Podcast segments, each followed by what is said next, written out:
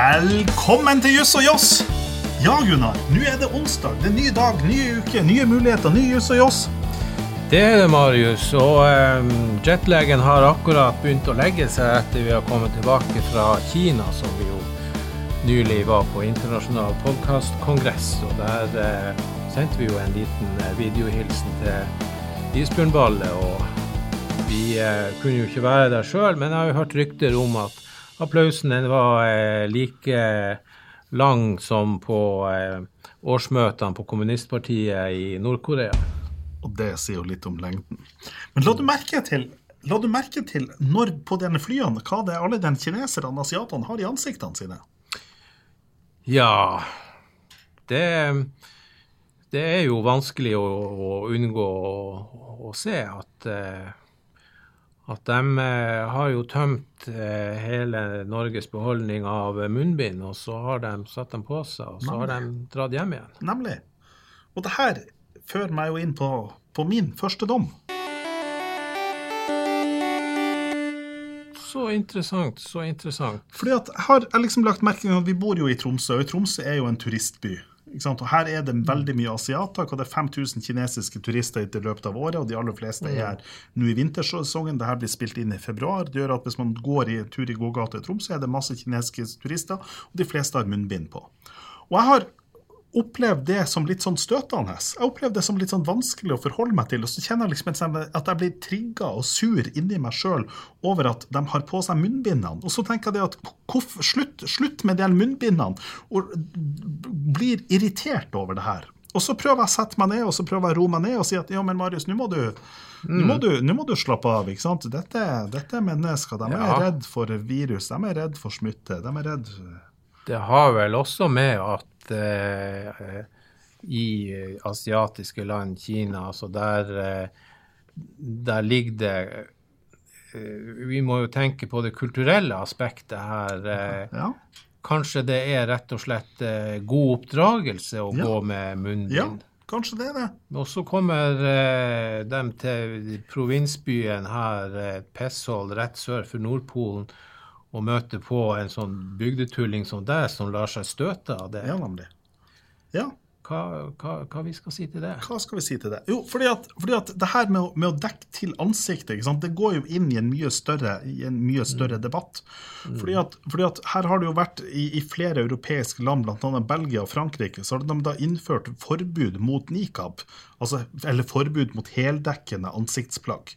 Det er vel sånn de får bot hvis de eh, går med nikab i det offentlige yes. rom? Og det er helt korrekt. Og der var det da ei dame som da vi omtaler i det følgende som SAS, SAS, som da, som da fikk ei bot for å gå med nikab i det offentlige rom, fordi at Frankrike hadde laga til en lov der de forbøy nikab i det offentlige rom. Og så nekta hun da på denne bota, og så kommer da saken hele veien opp til menneskerettsdomstolen. Dette er da SAS mot Frankrike. Mm. Og da og da er det jo sånn at, at, man har jo rett til en ytringsfrihet. Hun har rett til å ytre seg fritt, og rett, også rett til å gi et uttrykk for religionen sin. Ja. Og, og, det er jo på en måte rettigheter. Men de her rettighetene er jo ikke absolutt. Staten kan altså gripe inn i dem, staten kan begrense disse, og da er det et hovedsak det er krav til at det skal være eh, vedtatt i lov. Og her hadde Frankrike vedtatt en lov, og dermed var lovkravet oppfylt. Nettopp. Og så er det neste spørsmålet men er det da et lovlig formål? Og så er det videre et spørsmål om forholdsmessighet. Forholdsmessighet var på en måte greit, men så er det spørsmål hvilket lovlig formål er det her? Og da har man jo da prøvd seg å si at jo, men det er av sikkerhetshensyn. Men så blir det sånn at jo, men er det egentlig et sikkerhetshensyn? Altså Er det egentlig sånn at, at en kvinne eller en person ikledd nikab utgjør en større sikkerhetsrisiko enn andre? Finnes det dokumenterte terroraksjoner av personer med nikab? Og det fantes en, altså det fantes en i Canada, tror jeg, men det, var, men det er liksom begrensa hvordan det sikkerhetsaspektet kommer inn. Men du hadde jo det her eh, aksjonen på eh, det her eh, teatret i Moskva. Ja. Ja. Mm. Sånn at, men, men, det er klart sånn at sikkerhetsaspektet er et spørsmål, men det spørsmålet er det langt nok. Og Det er på en måte en diskusjon i mm. forkant av det her. Hvilke, hvilke formål er det man kan bruke? Og, og når denne saken kommer opp for, for, storkammer, så er det jo flere stater som går inn som hjelpeintervenienter. Interven... Intervenienter. Intervenienter. In, Ja. help, ja. La oss, la oss gå videre. ja. Um, og blant annet de Nederland. Og de drar opp det spørsmålet om på en måte det å leve sammen. Og det er flere som drar opp det spørsmålet. Så sier man at, at Men for at vi skal leve i et demokratisk samfunn, så er det en forutsetning at vi ser på hverandre. Og da sier EMD, de uttaler da følgende um, um, the government indicated that it was a question of responding to a practice that the steam state deemed incompa- incompatible in the French society with ground rules of social communication and more broad- broadly requirements of living together. Så man sier at det å ha et forbud mot det, det, det er ikke altså det, Spørsmålet er det kompatibelt med den brede kravet om å leve sammen. From that perspective, the re- respondent state is seeking to protect a principle of interaction between individuals. Altså Fra det perspektivet så forsøker staten å beskytte et prinsippel Et prinsipp Et prinsippel Et prinsipp om samhandling mellom individer. Which is the view that is essential for the expression not only of pluralism but also of tolerance and broad-mindedness, without which there is no democratic society. Altså basert på den prinsippet om samhandling mellom individer. Så dette prinsippet er nødvendig, ikke bare for å uttrykke pluralisme, men også for toleranse og for åpen, altså broad-mindedness, åpen tankegang, som er Og uten toleranse og åpen tankegang, så har vi heller ikke noe demokratisk samfunn. Ja, men eh, jeg syns eh, argumentasjonen der er jo, eh, er jo veldig spesiell, fordi at du tar og slipper å gå inn i hva vi sier, de mer som kulturspesifikke grunnene for eh, denne religiøse bekledninga, og slipper dermed også havne opp i en situasjon hvor man tar og stiller seg over altså den kulturen og religionsutøvelsen, at du ikke får et kulturhierarkisk innfall til det her. Men i stedet for så tar man og så gjør det her, man trekker det så generelt ut. Det blir, hva vi sier, så, så helt, helt nøytralt at det blir eh, vanskelig å, å ta og argumentere imot den begrunnelsen, syns jeg. Og så blir jo da spørsmålet som jeg da sitter når jeg, sant, når jeg først leste denne dommen, så er på en måte mine første tanker ok, er dette, er dette egentlig et uttrykk for en religiøs intoleranse? Altså Er det sånn at realiteten her er at de franske myndighetene ikke ønsker eh, den religiøse, eller de ønsker den religiøse friheten for katolikker, protestanter og ateister, men ikke for muslimer? Er det der det egentlig ligger, og at dette bare på en måte dekker over det? Eller hvordan er det her? Og jeg har brukt, tenkt litt over denne begrunnelsen. Ja, Fram til jeg da plutselig går der i gågata i Tromsø og kjenner at jeg blir sur og irritert over asiatiske turister som dekker over ansiktene sine. Og så tenker jeg, ja, er ikke det Er det ikke sant, min, min indignasjon handler ikke det om akkurat det samme? Dreier det seg ikke om at en toleranse og altså expression not only of pluralism but also of tolerance and broad-mindedness, which is which without which there is no democratic society.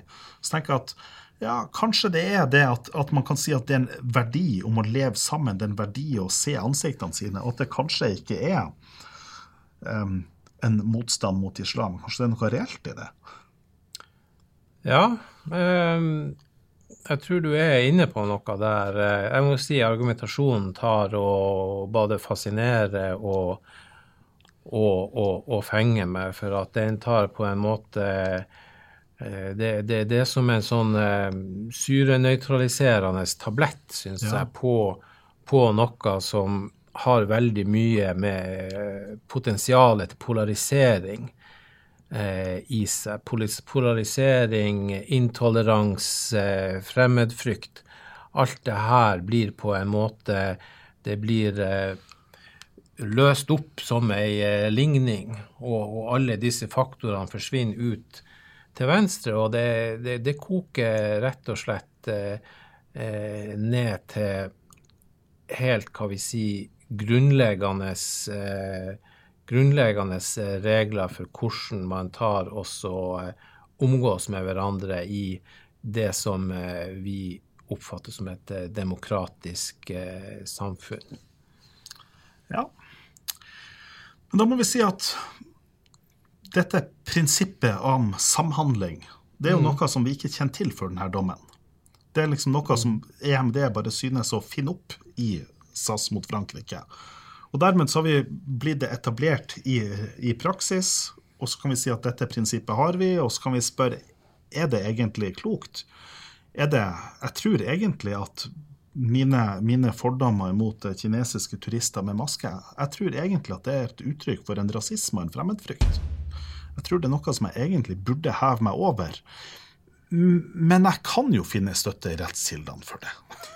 Ja, det, det, det, det skal absolutt, absolutt ikke, ikke, utelukkes. Men uh, som jeg eh, allerede har, har, har, sagt, altså eh, eh, Det er jo mye, hva vi si, frykt og, og, sånt, og irritasjon i, i, i, samfunnet. Men hvis man da kan falle tilbake på eh, kjøreregler som egentlig ingen kan være uenig i, så blir jo mye av denne mm. frykten blir jo eh, nøytralisert. Og ja. samtidig så fungerer det jo også som en, eh, en, en, en begrunnelse for de som eh, eh, bruker slike ansiktsdekkende eh, remedier, enten det være seg plagg eller slike hjelpemidler som du tar og reagerer på i gågata i Tromsø. Ja. Men eh, la oss gå videre. Vi har neste postprogrammet, det er spørsmålet.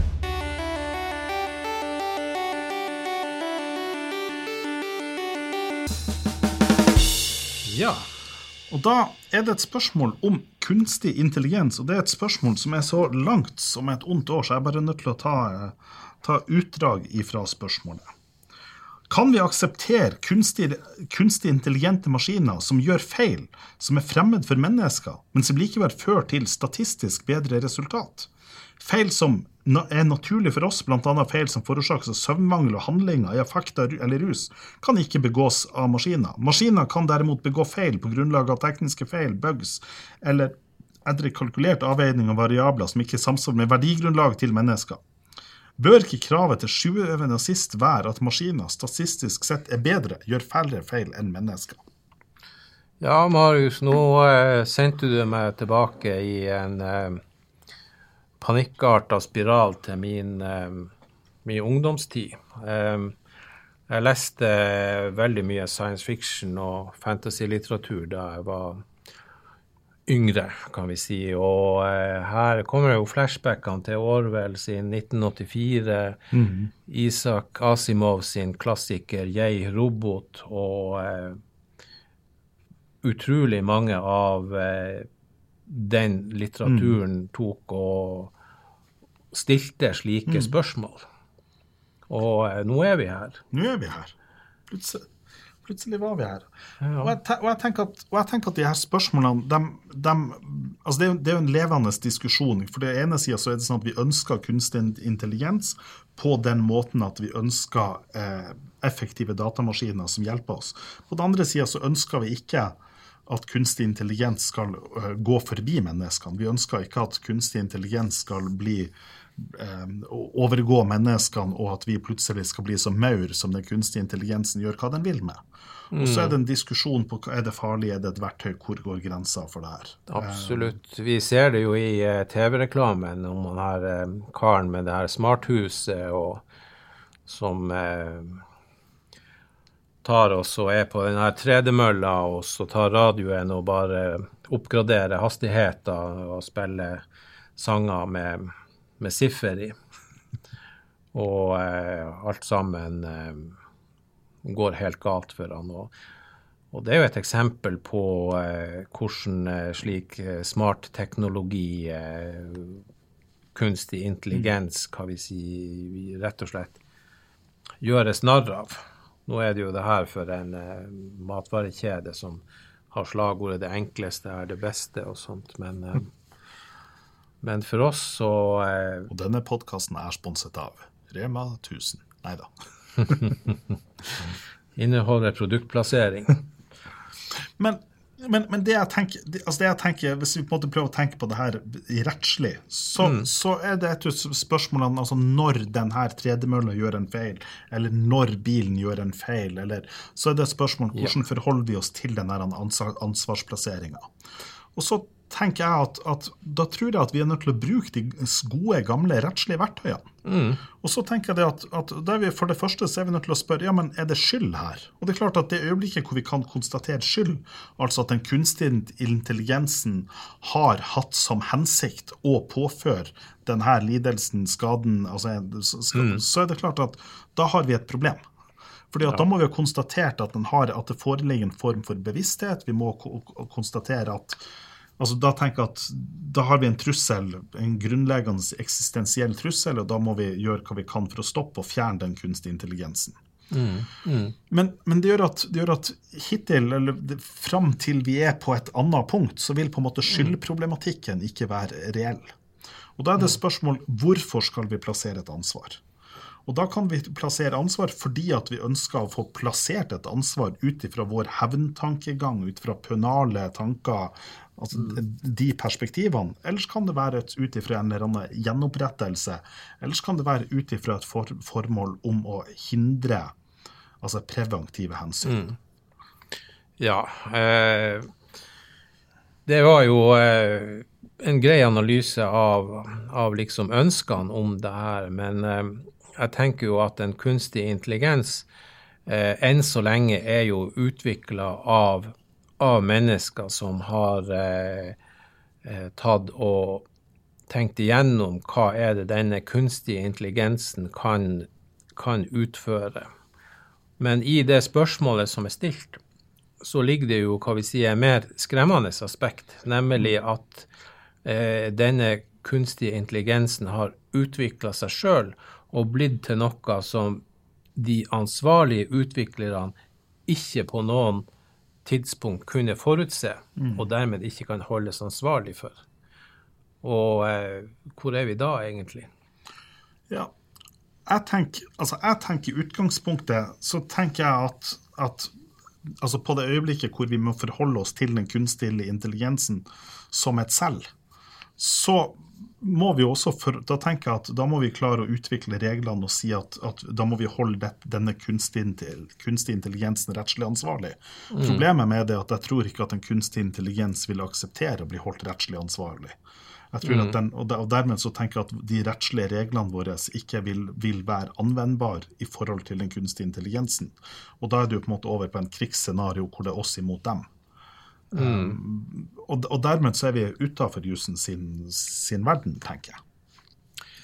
Ja. Og fram til vi er der, så tenker jeg at da er vi over på de alminnelige reglene, at vi er på, på type objektivt ansvar. Altså at den som utvikler en kunstig intelligens som begår handlinger, mm. altså begår mm. erstatnings, altså erstatningsbetinga skader, mm. så tenker jeg det at selv om at den ikke kan forutse hva den kunstige intelligensen gjør, så tenker jeg at da bør type objektive regler gjøre, gjøre seg gjeldende for den som har utvikla det.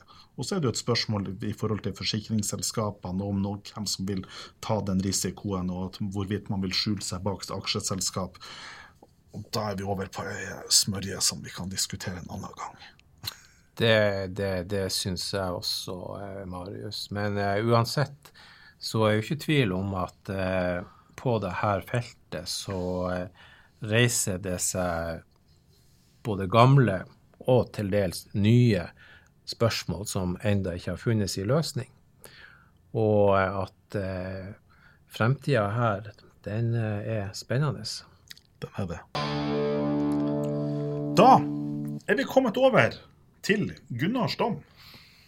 Ja, tusen takk, Marius. Eh, I dag så skal jeg snakke om eh, eh noe jeg tar og eh, liker og har snakka mye om i eh, foredrag.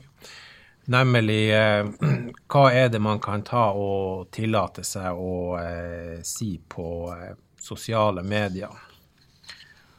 Og den 29. januar, altså for knappe 14 dager siden, så avsa Høyesterett to prinsipielle avgjørelser på samme dag. Og eh, Høyesterett har sjøl tatt og eh, gitt dem navn, og det er såpass eh, vakkert navn som Hatefulle ytringer på Facebook 1 og Hatefulle ytringer på Facebook 2.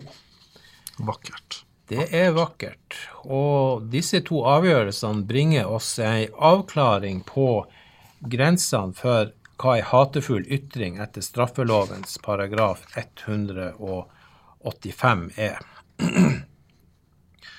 Straffelovens paragraf, paragraf 185 tar også straffe med bot eller fengsel inntil tre år den som forsettlig, med vilje eller grovt uaktsomt, offentlig fremsetter diskriminerende eller hatefull ytring. Og eh, det defineres i 185 som eh, det å true eller forhåne noen eller fremme hat, forfølgelse eller ringeakt overfor noen pga. deres A. Hudfarge eller nasjonale etnisk opprinnelse. B. Religion, livssyn. C. Homofil orientering. Eller D. Nedsatte funksjonsevne. Da, når det er klargjort, så skjedde det følgende i Hatefulle ytringer på Facebook 1. At en person hadde skrevet følgende i et kommentarfelt på Facebook om en samfunnsdebattant som var mørkhuda. Sitat. Fandens svarte avkom, reis tilbake til Somalia og bli der, din korrupte kakerlakk. Høyesterett kom enstemmig frem til at denne ytringa var ramma av straffelovens paragraf 185 om hatefulle ytringer. Den alminnelige leser vil oppfatte den som svært grov krenkelse med referanse til hudfarge og derved etnisk opprinnelse.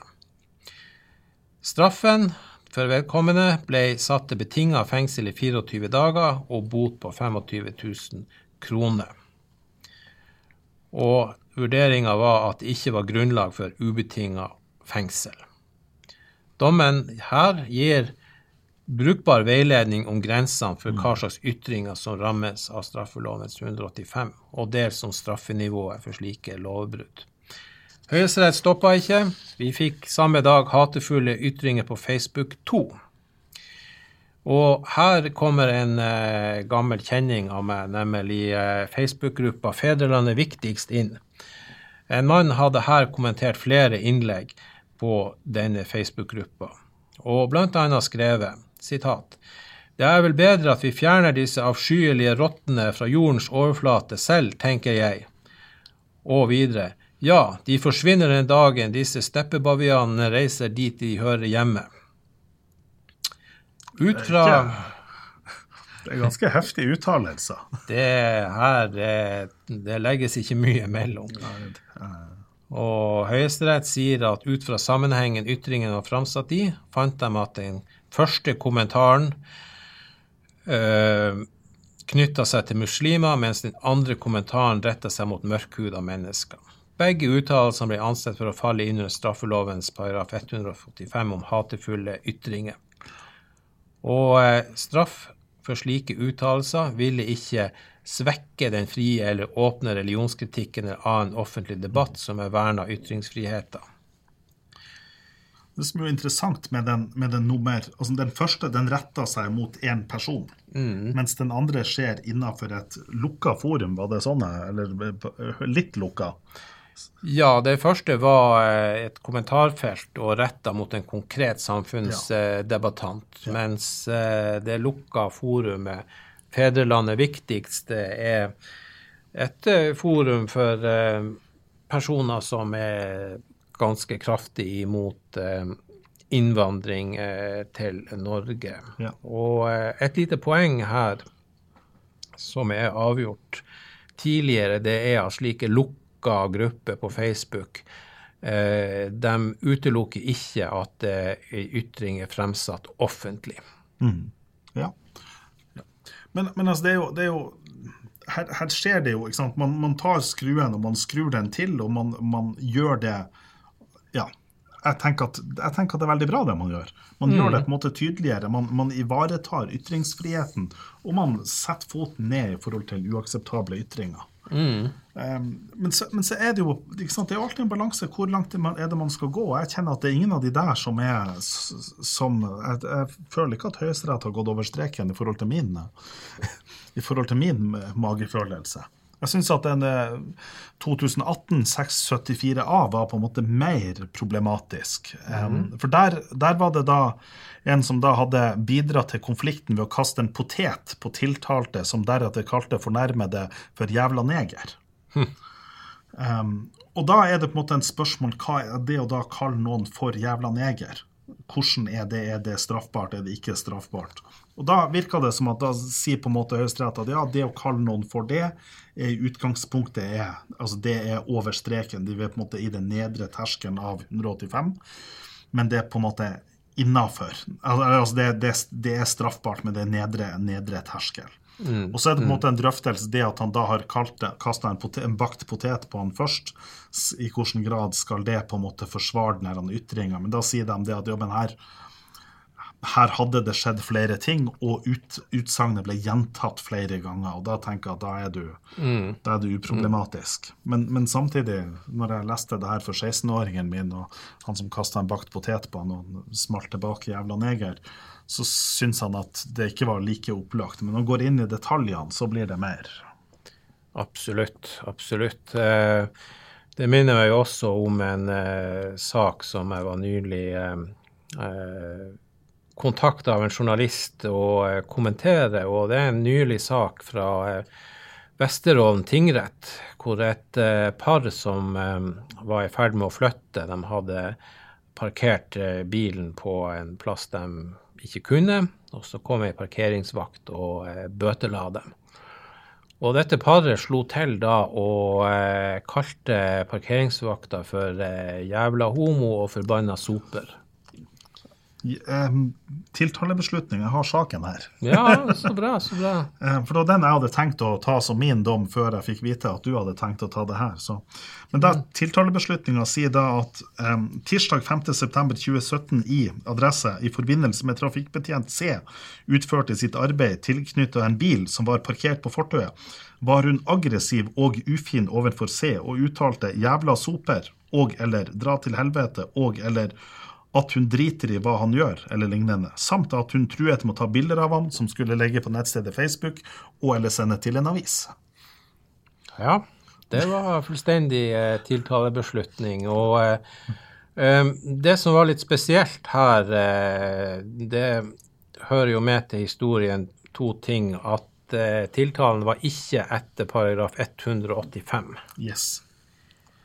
Eh, den var etter paragraf 266 og 263. Ja, det var etter, for B, den andre var det for, for, for 263. fordi at hun dama hun hadde kommet med de her utsagnene, som jeg har sagt, mens han mm. mannen i forholdet han hadde da kommet med trusler. Ja, ja. Det var 263, og det var ikke særlig problematisk. nettopp, nettopp. Og eh, um, Eh, paret ble jo frikjent, og eh, saken ble jo anka til lagmannsretten, men ble vel da avvist mm. eh, der. Saken skapte jo usannsynlig mye eh, furore, fordi at eh, tingrettens begrunnelse gikk på at uh, ord som soper Tingretten hadde gått inn i bokmålsordboka mm. og funnet ut at soper, ja, det betyr å feie, og, mm. og, og, gått seg litt vill i det. Og så hadde de jo kommet til at ja, det betyr jo noe annet òg, men det her var blitt så alminnelig i samfunnet. Og mm.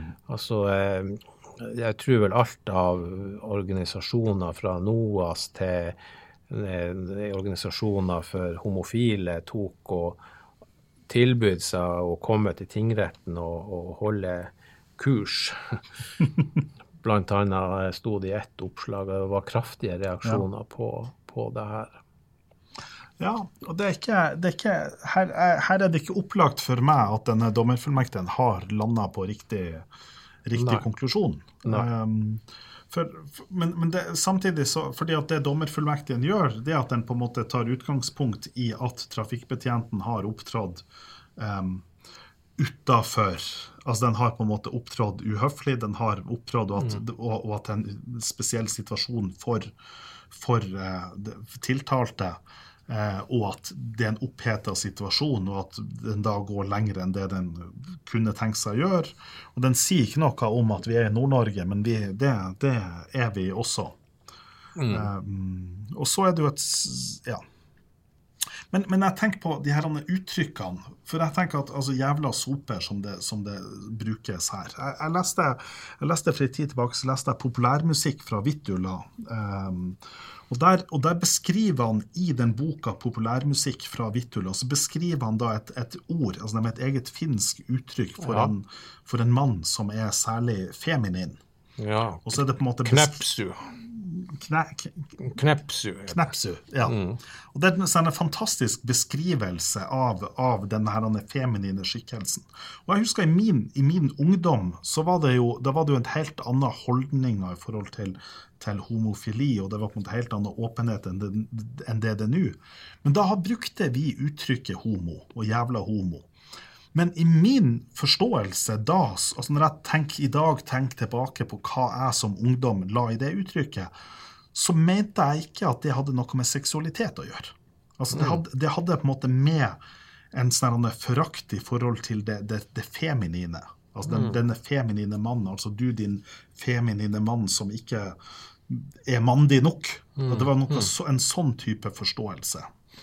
Og så utvikla jo verden seg, heldigvis. Um, og, hvor, og hvor man på en måte ser at mennesker med homofil legning, når bruke, uttrykket homo blir brukt som et skjellsord, så er det klart at det gjør noe med, det gjør noe med mennesker, det gjør noe med samfunnet. Og det er en helt uakseptabel måte å, å forholde seg til, til mennesker på.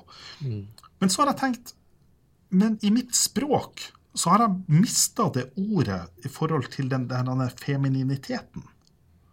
Og det du sa, var kne, kne, Knepsu. knepsu, som ikke har noe med seksualitet å gjøre, men som Nei. er på en måte en beskrivelse av en, en, en holdning. Ja, det, det var vel et ord for oss å eh, også beskrive, hva vi sier, u, umandighet på uten at det var knytta til, til, til legning. Ja. Og, eh, og det kan vel tenkes at det er noe som utvikles i eh, samfunn eller plasser hvor hva vi sier, mandighet er en, en, en standard, og at det dermed finnes da graderinger av det. Ja. Det, um, nei, jeg, jeg, syns det, det er interessant i, i hvor, hvor langt er det man skal gå, de her endringene. For, for jeg, tenker at, jeg tenker det å kalle noen for en jævla soper, jeg tenker at det er en henvisning til seksualitet. Jeg tenker at det er en henvisning til altså, om å bruke en eventuell homofil legning imot noen. Og det tenker jeg at selv om at altså jeg tenker at det, det er et åpenbar bruk av ordet, og jeg tenker at det bør nok rammes av 185. At Det, det, det gjør det, men eh, hva vi si, en, en annen ting som eh, man ikke har helt fått med seg her, det er jo at det her rammes jo klart av eh, diskrimineringslovens paragraf 6, forbudet mot å diskriminere. Og eh, eh, det tar jo også å ramme eh, F.eks. Eh, hvis noen tar og sier at ja, men jeg, jeg visste jo at han ikke var homo, og da, og da kan jo ikke det være så, så krenkende. Men eh, diskrimineringsloven har faktisk i sin ordlyd eh, forbud også mot å diskriminere mot, eh, mot antatt eh, forhold. Slik Ja, at nemlig. eh, mm, Da, da er vi der. da, da, da er vi der. Så eh, verden, eh, hva vi si, har, har utvikla seg, og denne dommen fra Vesterålen tingrett og sånt eh, det, Jeg tror jo den er feil, men jeg, tror jo også at den er et innlegg i en større debatt om at eh, så mange er inne på, at vi har et krenkesamfunn. Mm. At eh, nå er det Man blir krenka altfor lett og altfor mye av altfor mange ting. Og noen snakker jo også om at eh, som følge av det så opplever vi noe vi kaller for offertrengsel. At eh, det å være et offer, det gir eh, sosial status og makt. Og at eh, det har blitt trangt om plassen fordi det er så mange som vil stå fram som, eh, som offer. Og det eh, har, hva vi sier, utvikla seg til at vi har fått eh, altså en, en, en, en, klasse av, av, sterke offer, for å si det ja, sånn. Nemlig, nemlig. Og noen kaller det profesjonelle offer og sterke Ja. offer og sånt. Og at det, det, det er ikke nedbrutte mennesker, men det er folk med offerstatus som står fram og er sterk og tydelig og snakker med en klar stemme, og at eh, ja, at det her har gått for langt, men eh, Jeg kjenner, jeg kjenner liksom for å, for å dra fram eh, eh, av poenget mitt at Men altså, fyren som jo det jeg blir fornærma i den ene saken her, han er jo tross alt ei parkeringsvakt. Ja, og eh, jeg aner vel kanskje at eh, du og parkeringsvakter kanskje ikke klikker helt, og at eh, du kanskje er litt på den at parkeringsvakter kanskje må tåle mer enn andre. Er det slik å forstå? Vet du hva? Der fikk jeg en SMS fra rektor på Universitetet i Tromsø. Hun har klart å lese tankene mine og skjønne hva det er jeg skal si nå. Og jeg er blitt innkalt på rektors kontor. Jeg er faktisk nødt til å gå opp akkurat nå for å forklare hva jeg hadde tenkt å forklare. Mm, mm. Så med det så må jeg si eh, takk for meg, så får vi se om jeg klarer å ro meg unna det her. Det får ha all mulig lykke til på teppet hos eh, rektor, og eh, jeg skal nok ta oss og eh, holde skansen her eh, fram til du er tilbake, Marius. Så lykke til.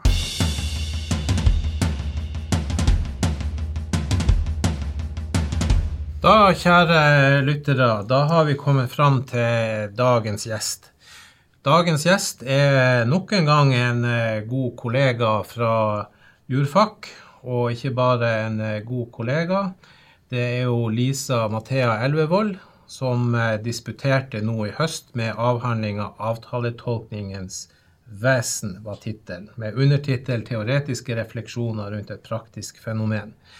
Jeg har fått god kjennskap til arbeidet til Lisa, ettersom jeg var én av to veiledere.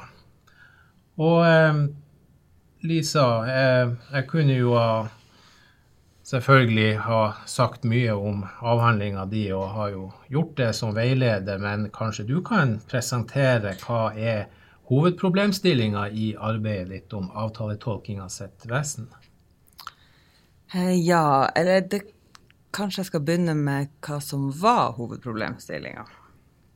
Eh, for det var egentlig sånn den, den ble til, ved at jeg først lurte på hvordan skal en spesiell type kontrakter som har inngått på en spesiell type måte, entreprisekontrakter som har inngått etter reglene om offentlig anskaffelse, hvordan skal de her avtalene tolkes? Um, så så et, et presist, fint, lite tema, veldig aktuelt, og mange som eh, lurer på det. Det er ikke skrevet så mye. Um, jeg tok på meg arbeidet å gå i gang, og så var det akkurat som at jeg snubla i meg sjøl i Det er vel ikke så rart. Eh, Det er jo et eh, tema som eh, kanskje har sine begrensninger òg. Ja, det viste seg i hvert fall at det jeg trodde skulle bli det vanskelige, de her kompliserte kontraktene og, og detaljerte regelverket, det var, jeg, jeg kom aldri dit, for det var de her eh, gamle sannhetene, de her tingene som man lærer på første avdeling, og som, som vi alle vet at sånn er det med avtaler og avtaletolkning. Det var der Nettopp. jeg stoppa opp og lurte på, ja, hvorfor da? Ja, veldig interessant. Og eh, de gamle, gamle etablerte sannhetene eh, om avtaletolkning, det er vel at eh, man skal ta og legge vekt på det objektive. Mens eh, det mer subjektive, hva partene hadde ment og sånt, det kan vi ikke ta og helt stole på som eh, i ledd i avtaletolkning. Nei, altså det subjektive det har vært en veldig skummel størrelse. Og det er ikke Av og til så ser vi for oss at det, det er nå liksom i den senere tid at det er blitt moderne og skulle være objektiv, men, men det var moderne på slutten av 1800-tallet også. Eh, og siden da, siden den, den gangen da avtalerett var et hett tema, og objektivistene sto mot subjektivistene, i hvert fall sånn vi ser det for oss, siden da så har vi tenkt at nei, det er det, det, er det objektive meninga, det er det objektive avtaleinnholdet vi er ute etter når vi tolker. Mens det subjektive har altså det, det, prøver vi å distansere oss fra eh, så mye vi kan, men så kommer vi opp i problemer da. Fordi at det er helt umulig å snakke om avtaletolkning eller avtalerett for øvrig, eller enda verre skrive om det, uten å bruke subjektivt lada ord. Vi snakker om partsvilje, om intensjoner, om mening. Og alt det her er jo subjektive størrelser. Det har du eh, helt rett i, men eh, vil du si at eh, denne her fremherskende objektive tolkningsteorien, at den da har kanskje bygga på fiksjoner om objektivitet? Ja, nå er ikke jeg så redd for fiksjoner, egentlig. Det er jo Hva skulle vi gjort uten fiksjoner? Eh, nei, jeg tror at de bygger på en slags um, At det blir en slags stråmannsteori, da. Mm. At uh, den her subjektivismen som de ville nedkjempe, den, den har de funnet opp sjøl. For det er ingen som har ment at det er ingen noensinne i, i verdenshistorien så vidt meg bekjent, som har ment at man kan tolke selve viljen. Eh, som om man kunne velge enten å tolke det objektive eller det subjektive. Alle, og det, da kan vi trekke tilbake til de gamle grekerne, har ment at vi kan trekke subjektivt innhold ut av objektive uttrykk når vi tolker. Så det er en eller annen kortslutning der eh, mot slutten av 1800-tallet som har gjort at vi tror at dette er et enten-eller. All avtaletolkning, spør du meg, må være både og. Subjektivt og objektivt. Mm. Det syns jeg høres eh, fornuftig ut eh, som et eh, teoretisk synspunkt. Og avhandlinga di er jo svært, svært eh, teoritung. Men eh, hvordan eh, har egentlig man håndtert det her i, i, i rettspraksis? Ja, altså rettspraksis har jo annen, et annet formål enn noen som sitter og skriver en doktorgrad. De skal jo løse konkrete saker. Eh, men så har det seg sånn at eh, etter hvert så har det blitt mer populært, for å bruke et sånt ord, også i rettspraksis å si litt om hva man gjør. Så på et vis så har de sin egen lille teori innledningsvis, noen avsnitt der de liksom skriver noe om hvordan avtaler generelt skal tolkes, og, og før de liksom går i gang og tolker den de har foran seg. Eh, og jeg mener vel at der snubler de gjerne litt, fordi at de, der repeteres typisk eh, noen etablerte sannheter og kanskje noen eh, nye fraser fra andre høyesterettsdommer. Men så viser det seg, hvis du går inn og, og, og ser etter hva er det de gjør i dommene, så går de inn og trekker mening, altså en subjektiv størrelse, ut av objektive uttrykk. De kan ikke annet enn å gå konkret til verks. Og det gjør de som ofte så. Mm.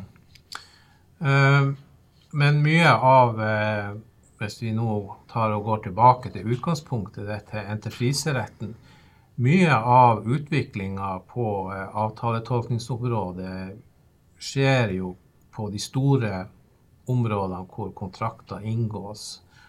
Og eh, i eh, disse her store kontraktsverkene, norsk standard og sånt, eh, har det skjedd noen uh, utvikling uh, der, tror du?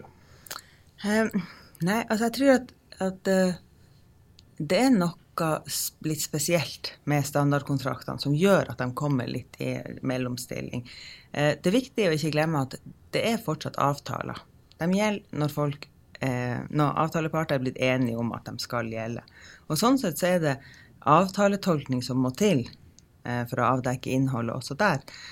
Eh, men standardkontraktene har jo det eh, karaktertrekket, for å bruke et sånt ord, at, at de skal brukes flere ganger.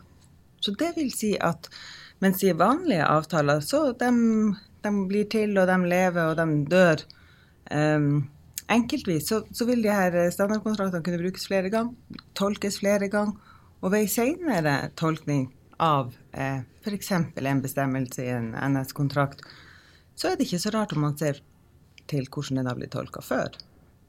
Mm.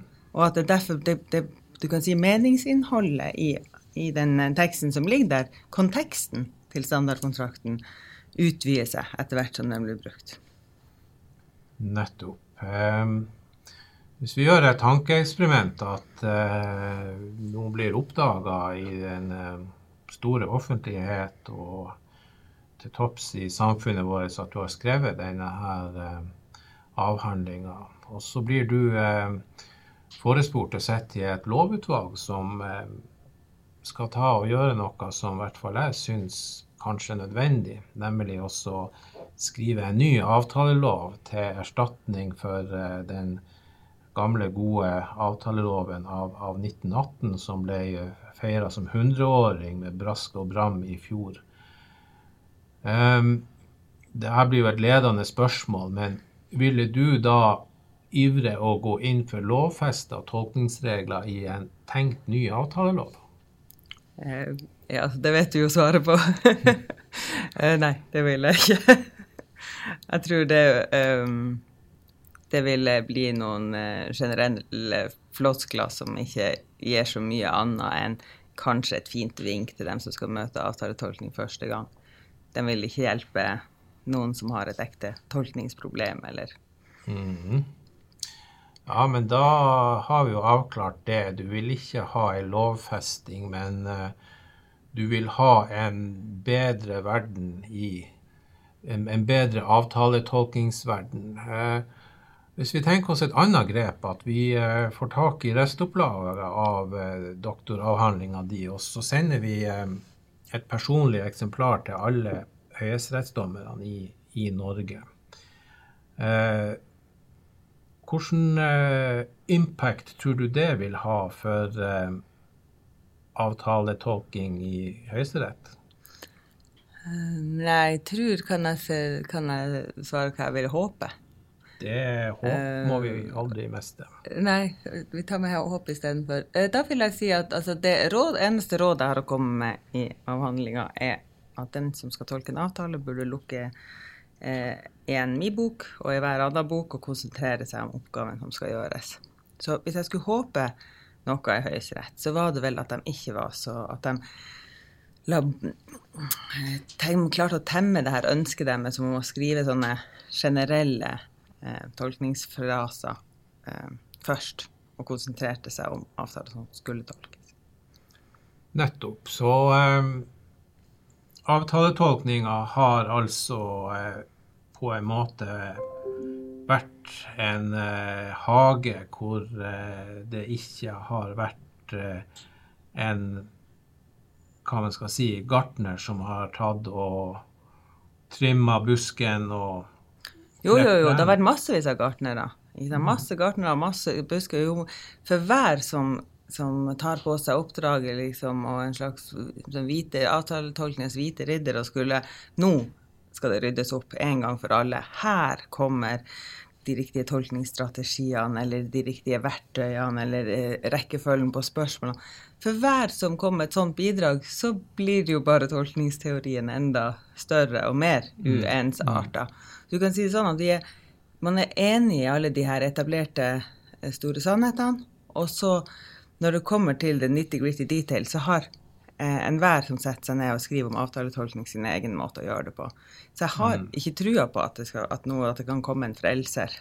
Eh, så jeg tror egentlig at vi skal ta, og, eh, ta oss en god porsjon ydmykhet mm. Mm. inn i, i avtaletolkningsteorien også. For i praksis tror jeg de er ydmyke nok i møte med oppgaven som skal gjøres. Ja, det syns jeg høres ut som veldig fornuftige råd fra Lisa Mathea om eh, avtaletolking. Og eh, neste gang man eh, setter seg ned med ei av disse lærebøkene som eh, jo har eh, enorme oppskrifter på hvordan avtaletolkning skal gjøres, og sine måter å systematisere momenter og tolkningsteorier, så eh, har du, hva vi si, eh, eh, helt til slutt en sånn forløsende angrepsvinkel på hvordan man skal ta og gå løs på å begynne å tolke en avtale? Ja, forløsende, men ikke nødvendigvis noen snarvei. Jeg tror at man må øve seg. Mm. Jeg tror at det kan være Eh, nyttig å, å, lese teori om avtaletolkning, eh, om ikke annet så for å komme seg inn i språk og terminologi og de her kjente frasene som vi, som vi bruker. Eh, men for å bli god å tolke avtaler, som å bli god å hoppe tau eller gjøre hva som helst annet, så burde man øve masse. Det var akkurat det jeg tok og var redd for. Her i avtaletolking som i alle andre juridiske fag, så finnes det ingen eh, gratis lunsj. Eh, øvelse og hardt arbeid gjør mester også i avtaletolking. Da sier jeg tusen takk til deg, Felisa Mathea, at du eh, ville komme hit i dag og snakke om avtaletolking og avtaletolkinga sitt vesen. For øvrig så eh, vil avhandlinga til Lisa Mathea forhåpentligvis komme ut som bok i løpet av 2020. Takk for at jeg fikk komme. Ja, da eh, har vi hatt eh, gjesten vår, og eh, da har også han Marius kommet tilbake til studio eh, etter å ha vært en liten tur oppe hos rektor. og nå er det vel på tide at vi eh, oppsummerer litt og avrunder, Marius? Ja, det er jo det. Hva har du prata med Lisa om? Hva gikk glipp av? Du eh, gikk glipp av eh, de store svarene i eh, avtaletolkningens eh, verden. Hvilken måte skal man angripe en, eh, en avtale? Skal vi ta og se på hva som objektivt står i avtalen, eller skal vi legge til grunn hva som var partenes eh, vilje og, og intensjon? Jeg tror at jeg må, vi må invitere henne tilbake en annen gang, så jeg får vært med på denne diskusjonen. Skal jeg prøve å holde meg i skinnet og ikke tenke stygge tanker om parkeringsvakta da? Det tror jeg at eh, det, det, vil være en eh, fin flukt for eh, tanken, for en parkeringsavtale tar jo ikke å reise noen særlige tolkningsspørsmål, tror nå jeg. Eller kanskje det gjør det.